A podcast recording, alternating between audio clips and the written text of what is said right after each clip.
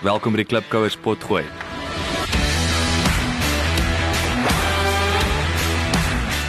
Die die lewensverwagting van 'n van van Toyota engines as hulle gereeld voorsien en gediens word is tussen 400 000 en 500 000 uh, kilometer. So dit dit is ek dink dit is die mag wat die verbruiker het dat die die verbruiker dring aan op die beste kwaliteit, die hoogste vlak van uh, betroubaarheid, die beste uh, naverkope diens, die beste herverkoopwaarde en vervaardigers wat op 'n volhoubare basis suksesvol wil wees, moet aan daardie klante behoeftes voldoen.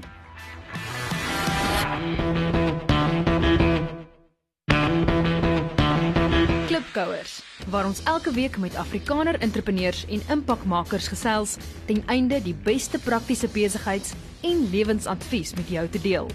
Jou gasheer en mede-klipkouer, Jacques Basson. Terug was dit nie om met 'n absolute Afrikaner gentleman en koöperatiewe besigheids-ikoon te kon gesels, naamlik Brand Pretorius. Brand is afgetrede uh en voormalige CEO van McCarthy wat natuurlik die uh grootste karhandelaar in Suid-Afrika uh is uh met ongelooflik baie handelsmerke en en dit was net fantasties om 'n bietjie meer oor die karindustrie te kon uitvind.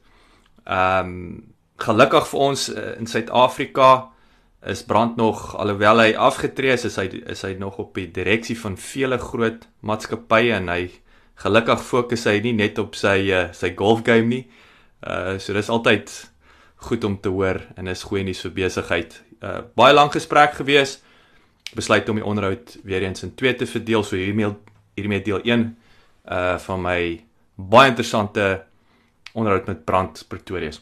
Hallo klipkouers, ek is uh, Brand Pretorius. Ek is die uh afgetrede uitvoerende hoof van die Makasi groep en die vorige bestuurende direkteur van Toyota Suid-Afrika. En dit is vir my heerlik om betrokke te wees by hierdie gesprek met Jacques. En ek vertrou dat julle waarde uit die gesprek sal kry. Brand, is 'n voorreg om jou hierso te hê. Baie welkom. Baie dankie Jacques en en dankie vir die geleentheid. Groot voorreg. Vertel ons 'n bietjie meer van jouself. Uh ek het in die Vrystaat groot geword in 'n dorpie met die naam van Bultfontein. Ek het op Kroonstad gematrikuleer, gestudeer op Koffsies, 'n meestersgraad gedoen in besigheidsbestuur. En toe in die vroeë 70's by Toyota Suid-Afrika aangesluit. Ehm um, ek het my loopbaan daar het oor 'n periode van 22 jaar gestrek en ek het die wonderlike voorreg gehad om uh Toyota se groei in die mark te beleef. En in 1995 het ek besluit dat ek graag die kleinhandelkant van die motorbedryf beter wil leer ken. En ek het derhalwe oorgeskuif as uitvoerende hoof van uh Makasi beperk en daar het ek 16 jaar deur deurgebring die laaste 7 ook as 'n uitvoerende direkteur van die Bitwest groep en in 2011 het ek uh, uitgetree. Ek is tans die direkteur van verskeie maatskappye en doen allerlei dinge om uit die kwaad uit te bly. En ek woon in Johannesburg. So dit is 'n vinnige opsomming Jacques Brad ek is ek is nou skieurig jy weet wat wat het daai daai eerste skuif, jy het nou uit basies vervaardiging nê nee, na na na die uh uh handelaars. Hoe wat het wat het daai behoefte of wat was die ding wat jy gesien het uh wat vir jou aantreklik was in in, in McCarthy byvoorbeeld? Ja, ek was betrokke soos jy sê by vervaardiger, vervaardiging maar primêr meer by die bemarking van Toyota, die bevordering van die handelsmerk, die al die bemarkings en verkoopsaksies. En ek wou toe graag meer leer van die kom ons noem dit die snykant van Toyota se besigheid wat die kleinhandelkant was. En McCarthy het vir my die ideale geleentheid gebied. Uh Makasi was in die, die middel 90's die grootste motorkleinhandelgroep in die in Suid-Afrika en een van die 10 grootstes in die wêreld. Dit het 32 verskillende handelsmerke bemark deur 'n netwerk van ongeveer 150 handelaarskappe. So om jou vraag te antwoord, ek wou nader beweeg aan die kliënt en ek wou my sake vernuf meer inskerp want die kleinhandelbesigheid is baie dinamies, baie taai, baie mededingend en ek moet sê ek uh, dit was soos 'n loopbaan wedergeboorte. My skuif van Toyota Makasi toe en dit het my op 'n baie stimulerende en vinnige leerkurwe geneem. Wat het wat het vir jou pertinent uitgestaan daai jare? Of kom ek kom ek vir jou so twee vrae met daai, want dit is vir my, jy weet die die die kleinhandel, motorkleinhandel is fascinerend. Jy sê dit is baie taai.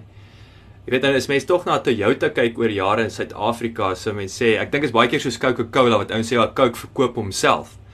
En ek dink daar was seker baie ook 'n persepsie dat Toyota as hierdie fantastiese kar, hy werk, hy hy jy praat van 'n aanhouer wen, hy hy hy breek nooit nie en hy verkoop homself. Ek bedoel wat het wat het julle gedoen om om Toyota veral as as as so sterk handelsmerk uh uh te, te vestig in Suid-Afrika. En was dit ook was dit die topverkoper in McCarthy? Ek maak ook nou 'n aanname dat dit was. Uh ja, Toyota het in 1981 die markleier geword en is dit nog steeds. So dit is 'n wonderlike rekord wat Toyota in Suid-Afrika het en ek kan met groot groot vrymoedigheid en vertroue sê dat ons seker gemaak het dat ons die belofte van alles loop reg altyd reg Toyota dat ons daardie belofte gestand kon doen. So ons klem by Toyota was op die kernaspek van ons bemarkingsfilosofie. Met ander woorde die die belofte van betroubaarheid en 'n positiewe eienaarskap ondervinding. En ek dink ons het uitgestaan oor al die jare omdat ons konsekwent was in terme van handelsmerk posisionering en die vervulling van die kliënt se behoeftes en uh jy is reg in jou aanname dat uh, Makasi Toyota verteenwoordig die grootste gedeelte van die Makasi groep se kleinhandel motorbesigheid. Alhoewel soos ek gesê het, Makasi het 32 verskillende handelsmerke wat hulle hanteer soos Mercedes en Nissan en Peugeot en Ford en Volkswagen en talle ander. Maar Makasi Toyota is die grootste Toyota groep in Suid-Afrika en wat ek probeer doen het in samewerking met my span en dit dit was natuurlik van toepassing nie net op Makasi Toyota nie maar ons het baie geïnvesteer in in die regte mensekapitaal wat uh, vir ons gehelp het om Makasi te onderskei in terme van uh, klantediens en klantretensie so as jy vir my sou vra wat was Makasi as 'n kleinhandelgroep se meer dingende voordeel dan kan ek met vertroue sê dit was die kwaliteit van ons mense, die motivering van ons mense en die feit dat hulle hulle klante in alle omstandighede eerste gestel het. So dit dit in 'n mededingende motor kleinhandel besigheid is 'n baie goeie faktor om jouself uh, van jou mededingers te diferensieer. Jy, jy het vroeër genoem dat jy weet is baie taai. Hoekom is motorkleinhandel 'n taai industrie? Die antwoord is is is vervat in 'n in 'n aantal stellings wat dit net vinnig vir jou sal gee. Die eerste ene is sedert 1994 het ons in Suid-Afrika oop mark amper met baie lae invoerbelasting. So die aantal handelsmerke het gegroei van 15 na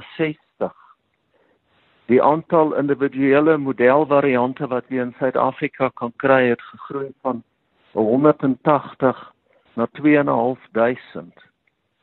So dit is 'n intens mededingende mark. Uh die die Suid-Afrika se nuwe motormark is 'n persentasie van die wêreldmark is maar 0,7%. En ons het al die handelsmerke hier en al, al die modelle.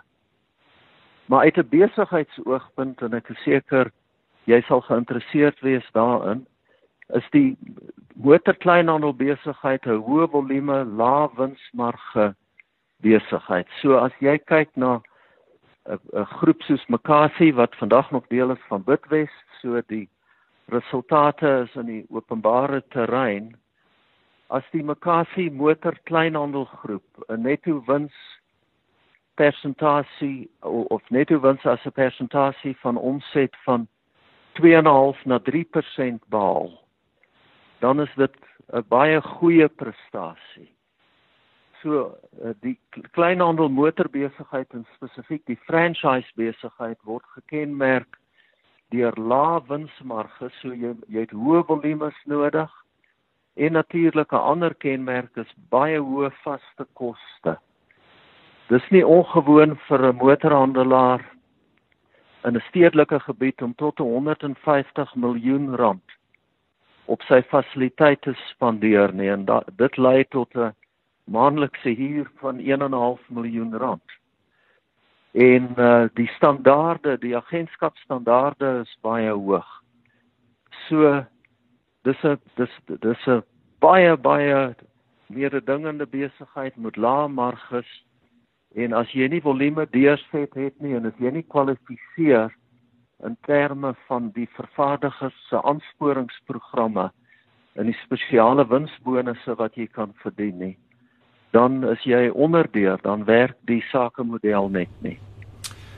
Dis dis baie interessant. Nou kom ek vra jou so, waar maak die ouens hulle geld dan? Ek wil 2.5% netto wins. Dit is soos jy sê, dit is maar baie klein. So is dit is dit daai is dit die diens van die van die voertuig? Waar waar is jy waar maak hulle die geld dan? Ja, as mens kyk na die bruto marges in 'n tipiese motorhandelaarskap, is die mees soort van winsryke marge was altyd die diensafdeling en onderdele. Uh deesdae is dit 'n bietjie verskillend want die meeste voertuie wat jy verkoop kom met 'n diensplan en 'n verlengde waarborg. So die aantal kleinhandel kliënte wat jy dan in jou diensafdeling het, wat jy die volle tarief kan vra, word al hoe minder want die groot kliënt is die motorvervaardiger want jy doen net onder waarborg werk. So deesdae as 'n mens kyk na die soort van bronne van wins vir nuwe motorhandelaars dan kom dit uit tweedehandse voertuie uit. As jy bekwam is met die inruil van voertuie teen die regte pryse. En dan natuurlik die kommissie wat jy verdien op finansiering en op versekerings En dan wat ek reeds genoem het, uh, elke kwartaal is daar bonusskemas wat die vervaardigers vir jou op die tafel sit. En as jy jou doelwit haal, verkoopsdoelwitte, klanttevredenheidsdoelwitte, as jy jou franchise standaarde kan behaal, dan kan jy groot kwartaallikse bonusse verdien. Maar in die meeste gevalle is die nuwe motorbesigheid ten beste net gelykbreek. Sjoe. Ek wil vir jou 'n interessante ding wat jy wat jy genoem het en dit my jy het nou gepraat van die hoë volumes wat benodig word. Jy het nou gepraat van die tweedehandse karmark waar die ouens weet eh, geld kan maak. So toe dink ek nou aan aan weer eens eh, Toyota se uh, betroubaarheid. So my eerste gedagte was toe toe dink ek aan General Motors, nê. Nee. Nou ek, ek as ek reg kan onthou, brand help my reg weet toe toe die Amerikaners daai tyd weggespring het, het hulle aspres die kar swak gebou dat die ding breek sodat hy reggemaak moet word. So daai daai tipe van ek wil sê amper die kar in 'n consumable uh uh uh omskep wat natuurlik heeltemal uh uh teen die besigheid begin werk het later. So nou so hou nou nou daai gedagte so vir, vir die volume. So nou wil ek vir jou vra 'n 'n baie goeie kar of betroubare kar soos Toyota is die volume is juis nie laer omdat die ou die ding vir 10 jaar lank ry nie of ehm um, Maar dit is nou weer goeie nuus neem ek aan vir die tweedehandse se mark want omdat die ding vir 20 jaar hou kan kan hy 2 of 3 eienaars hê. So kleer net vir my 'n bietjie daai daai 3 punte in asseblief. Ja, ek dink die eerste punt wat ek wil maak is dat die soort van planned obsolescence of beplande veroudering wat toentertyd dalk uh, toegepas was in die mark is vandag glad nie deel van motormaatskappye se strategie nie. Hulle hulle probeer, hulle moet eintlik omdat die mededinging so straf is, hulle produkte so koel vas, so betroubaar as moontlik maak in kom ons praat maar 'n bietjie Toyota taal. Die die lewensverwagting van 'n van van Toyota engines as hulle gereeld voorsien en gediens word is tussen 400 000 en 500 000 uh, kilometer. So dit dit is ek dink dit is die mag wat die verbruiker het dat die die verbruiker dring aan op die beste kwaliteit, die hoogste vlak van uh, betroubaarheid, die beste uh, naverkoopte diens, die beste herverkoopwaarde en vervaardigers wat op 'n volhoubare basis suksesvol wil wees, moet aan daardie klante behoeftes voldoen. En dit is hoekom uh, die motorhandelaar se se besigheidsmodel oor die afgelope 15, 20, 25 jaar dramaties verander het. En dit is hoekom selfs in 'n land soos Amerika was daar in die 50er jare die, die amper 50000 uh, motorhandelaars en daar's nou minder as 20000. En in Suid-Afrika was daar op 'n stadium omtrent 2000 agentskaps of franchise handelaars en daar's nou 1100.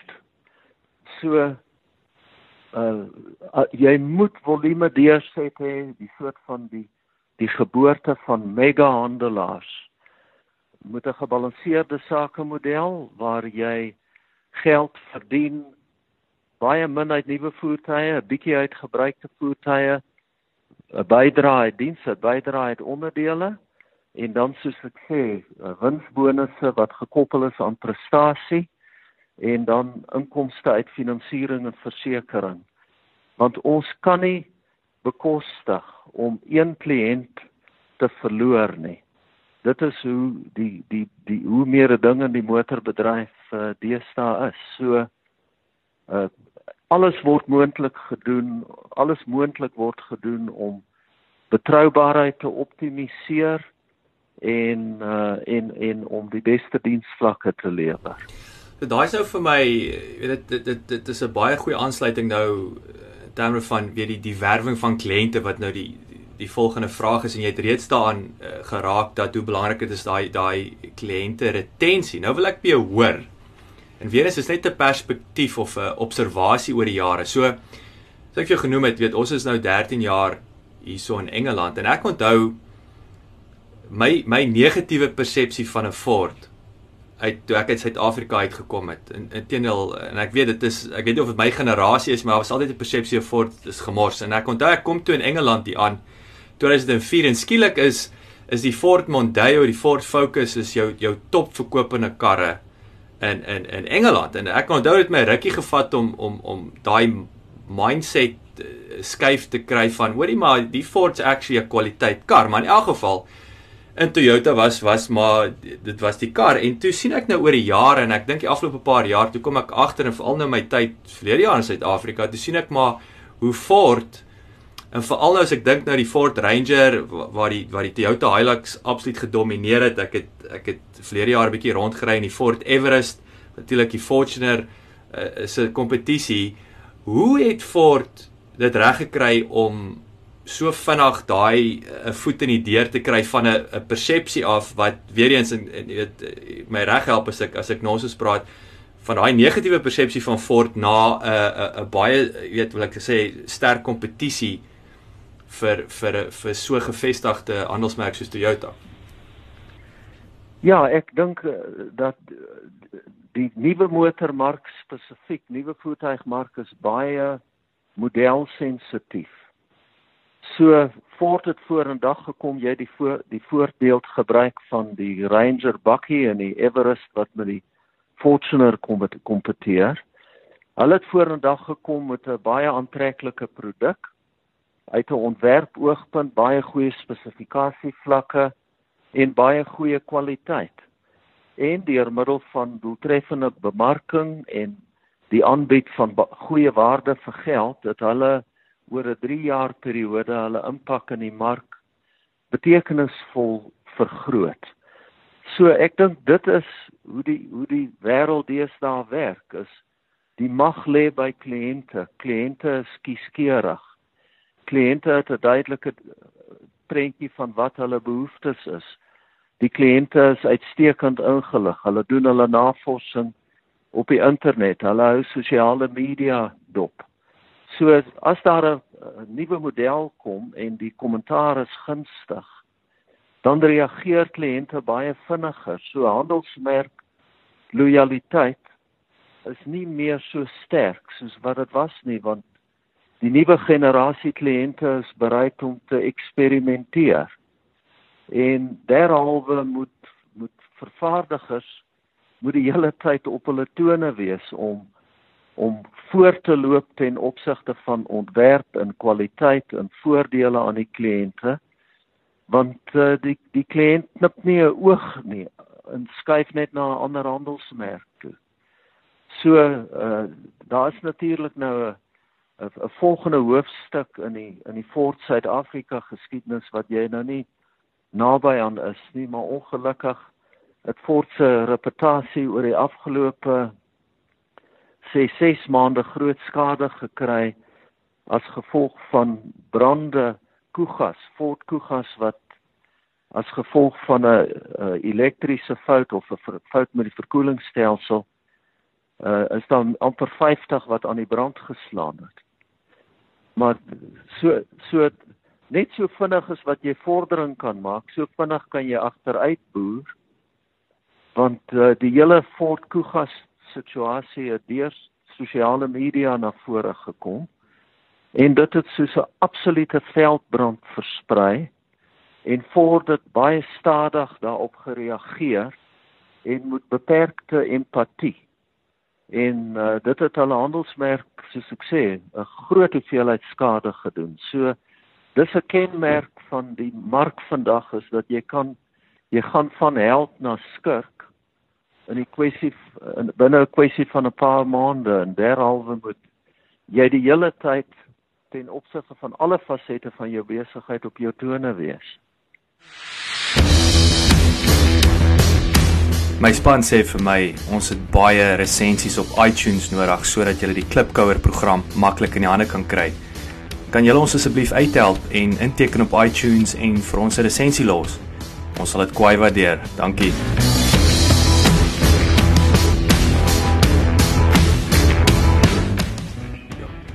Dit is dis so 'n belangrike punt wat jy maak dat ek dink nou selfs aan Samsung. Dis vir my interessant dat hierdie twee eh, koöperatiewe reuse dat dat dat die mense sulke foute kan maak. Maar ja, dit is eh, ek dink dit is die ander les daarso is dat jy's nooit te groot om om om om 'n fout te maak nie, maar ek dink interessant eh, Brandlie gesê dit is daai die empatie wat hulle nie meer uh, of die nodige empatie wat hulle meer reageer het nie. Dis en dis ook 'n baie belangrike les, nê. Nee, jy moet regtig jammer wees. Dit moenie moenie lyk like of jy nie regtig jammer is in die in die proses nie. So uh, dit dit is absoluut 'n skadebeheer, nê. Nee. Ja, ek dink dit is 'n 'n sleutel retensiefaktor is dat jy moet omgee vir jou kliënte en hulle moet dit hulle moet dit so ervaar want jy moet hulle vertroue en respek en ondersteuning verdien. En uh ek sê altyd die kliënt is die regter en die jury en die ou wat eind jou kop gaan afkap. Want al die mag lê by die kliënt en jy moet eintlik by al jou personeel die filosofie inskerp dat sonder kliënte het jy nie 'n besigheid nie. Ons bestaan almal as gevolg van ons kliënte en derhalwe moet jy die kliënt se belang voorop stel en nie net moet praat nie, maar meer met aksie. So as daar 'n probleem kom, moet jy teen die spoed van lig beweeg, veral in vandag se wêreld waar waar uh, uh, digitale kommunikasie, soos ek sê, versprei soos 'n veldbrand binne sekondes. Ja, dit is dit is so waar ek ek dink nou en is nou interessant ook dat dit is dit is gekoppel aan die aan aan voertuie. Ek het ek het verlede week 'n artikel gelees hierdie uh dis die uh hy's die CEO van Uber wat nou met daar was mos nou natuurlik in in in in Silicon Valley met die ouens wat nou op uh, Donald Trump se besigheidsadviseurs komitee is of wat ook al uh, jy weet natuurlik daar's 'n paar paar uh, kliënte en goed wat nou nie baie gelukkig is nie en lyk my hy het uh van die kliënte in in groep uh groepe kliënte het het soveel druk op hom geplaas dat hy hy het weggestap van van hierdie komitee af. En dit was vir my 'n klassieke ek bedoel dis een van die kragtigste voorbeelde dink ek wat ek nog gesien het waar kliënte uh, uh of groepe kliënte soveel pressure op 'n CEO sit om te sê luister hierso hierdie is nie goed vir besigheid as jy as jy gaan aanhou om om hierdie ding te doen waarvan ons nie hou nie. Wat in terloops niks eers met die diens te doen het wat wat Uber is nie. Ja. Ja. Nee en, en ek net 'n laaste opmerking oor die hele ongelukkige Ford Kuga episode. Die die aanvanklik was die hoofuitvoerende beampte van Ford Suid-Afrika heeltemal onsigbaar. Maar soos wat die stoom opgebou het en die druk wat gekom het uit georganiseerde klantegroepe het die Ford uh, eh, CEO op die ou en glad nie meer 'n keuse gehad nie en uh, dit het daartoe aanleiding gegee dat hy verlede week uh, na vore getree het en in die openbaar verskoning gemaak het uh, aan 'n verskeidenheid van radio en televisieprogramme deelgeneem het en persoonlik verskoning gevra het en ook volblad advertensies en verlede Sondag se Sondagkoerante geplaas het met 'n onvoorwaardelike verskoning en 'n belofte dat uh, die nodige regstellende aksie geneem sal word met inagneming van die kliënte wat uh, natuurlik geweldig daaronder gelei het. So dit is uh, hierdie lesse, hierdie gevalle studies bewys almal dat die magsbalans in die wêreld van besigheid onherroepelik geswaai het ten gunste van die klant. En dat daar geen wegkruipplek meer is vir selfs nie eers vir groot magtige CEOs van internasionale maatskappye nie. Hulle word letterlik as daar probleme is, word hulle uitgerook en moet hulle hulle gesigte wys en 'n nederigheid uh, doen wat hulle soms moet doen en dit is om om verskoning te vra. Sjoe. En ek dink in hierdie geval as ek as ek as ek so tussen die lyne lees is dit die dit help ook nie jy jy vra nederig om verskoning 2 uh, eh, weke te laat nie nê. Nee. So dit ek dink ook is daar die, die die spoed waarteen jy gaan om verskoning nederig of verskoning vra is ook van kritiese belang. Ja, absoluut uh, Jock. Uh, kliënte het geen geduld nie geen empatie nie. En uh hulle lojaliteit word minder en hulle verwagtinge word hoër.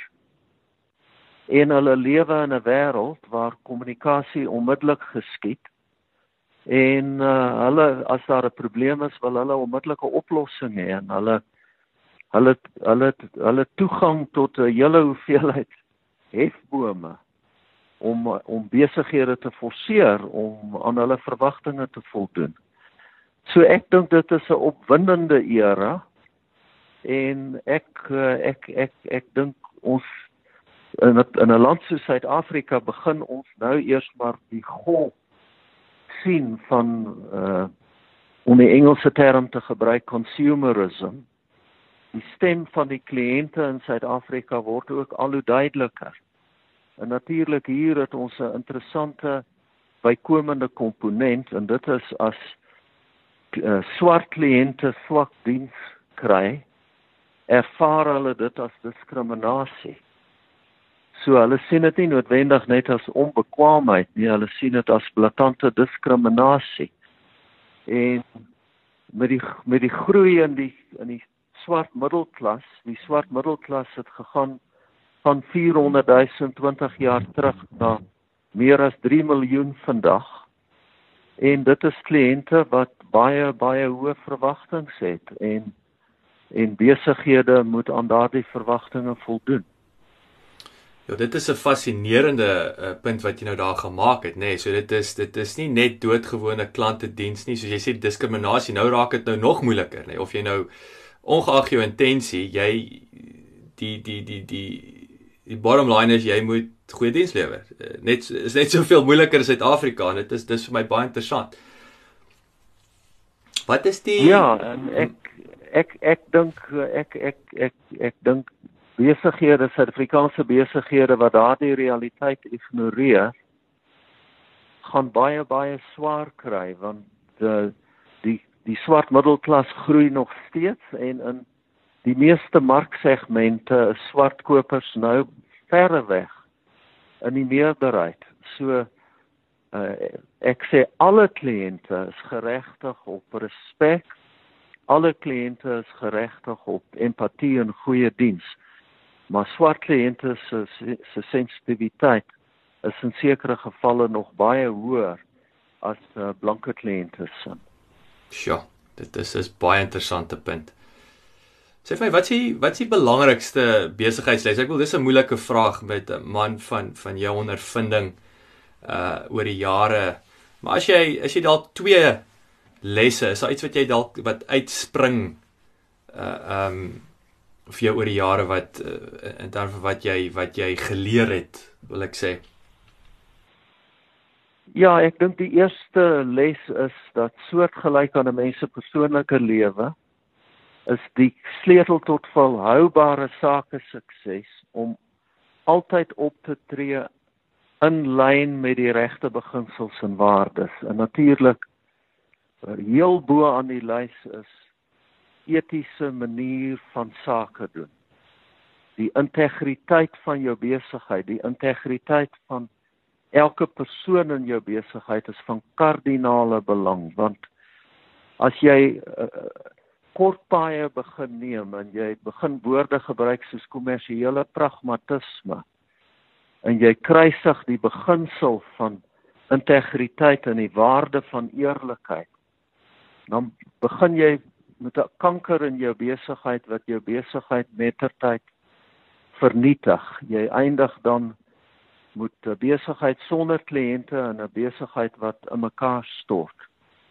So die manier van besigheid doen moet beginsel en waarde gedrewe wees. Anders is volhoubare sukses nie moontlik nie. So dis my eerste les wat ek geleer het en wat ek ook waargeneem het deur na ander besighede te kyk waar mense aan die versoeking toegegee het om kort paaie te neem en nie op te tree in lyn met op 'n openlike en eerlike etiese manier nie. Die die tweede les wat ek geleer het veral met met 'n groot korporatiewe besigheid is as jy te veel diversifiseer dan skep jy 'n hoë element van risiko want jy verdun jou aandag en jou energie. En veral as jy diversifiseer in areas waar jy nie die nodige kundigheid en ondervinding het nie dan beland jy in 'n posisie voordat jy jou oë uitsteek waar jy al jou energie en uh, tyd spandeer om sukkelende nuwe besighede op dreef te kry en dan verwaarloos jy jou kernbesigheid. So Uh ek het dit geleer by Makasi waar ons die besigheidsplatform uitgebrei het nie net van motorkleinhandel nie, maar ons het 'n bank gehad wat voertuie gefinansier het, 'n versekeringsmaatskappy, 'n motorhuurmaatskappy, 'n motorveilingsmaatskappy, 'n 'n digitale bemarkingsmaatskappy en party van daardie besighede was nie wenperde nie en jy het jou mos dood gesukkel. Hulle was donkies om hulle aan die gang te kry en dan jy die wenperd het agterweë gebly. So fokus, gekonsentreerde aandag op die besighede wat goed presteer en wat momentum het is my aanbeveling eerder as wat uh, in baie entrepreneurs word aan daai versoeking blootgestel om vinnig hulle vlerke te sprei en in allerlei ander besighede bo behalwe hulle kernbesigheid betrokke te raak. En dis dit werk nie altyd goed uit nie. Baie dankie dat jy geluister het. Vir 'n opsomming en notas van die episode, gaan asseblief na ons webwerf www.klipkouers.com en teken sommer in terwyl jy daar is, dan kan ons jou gereeld op hoogte hou. Baie dankie.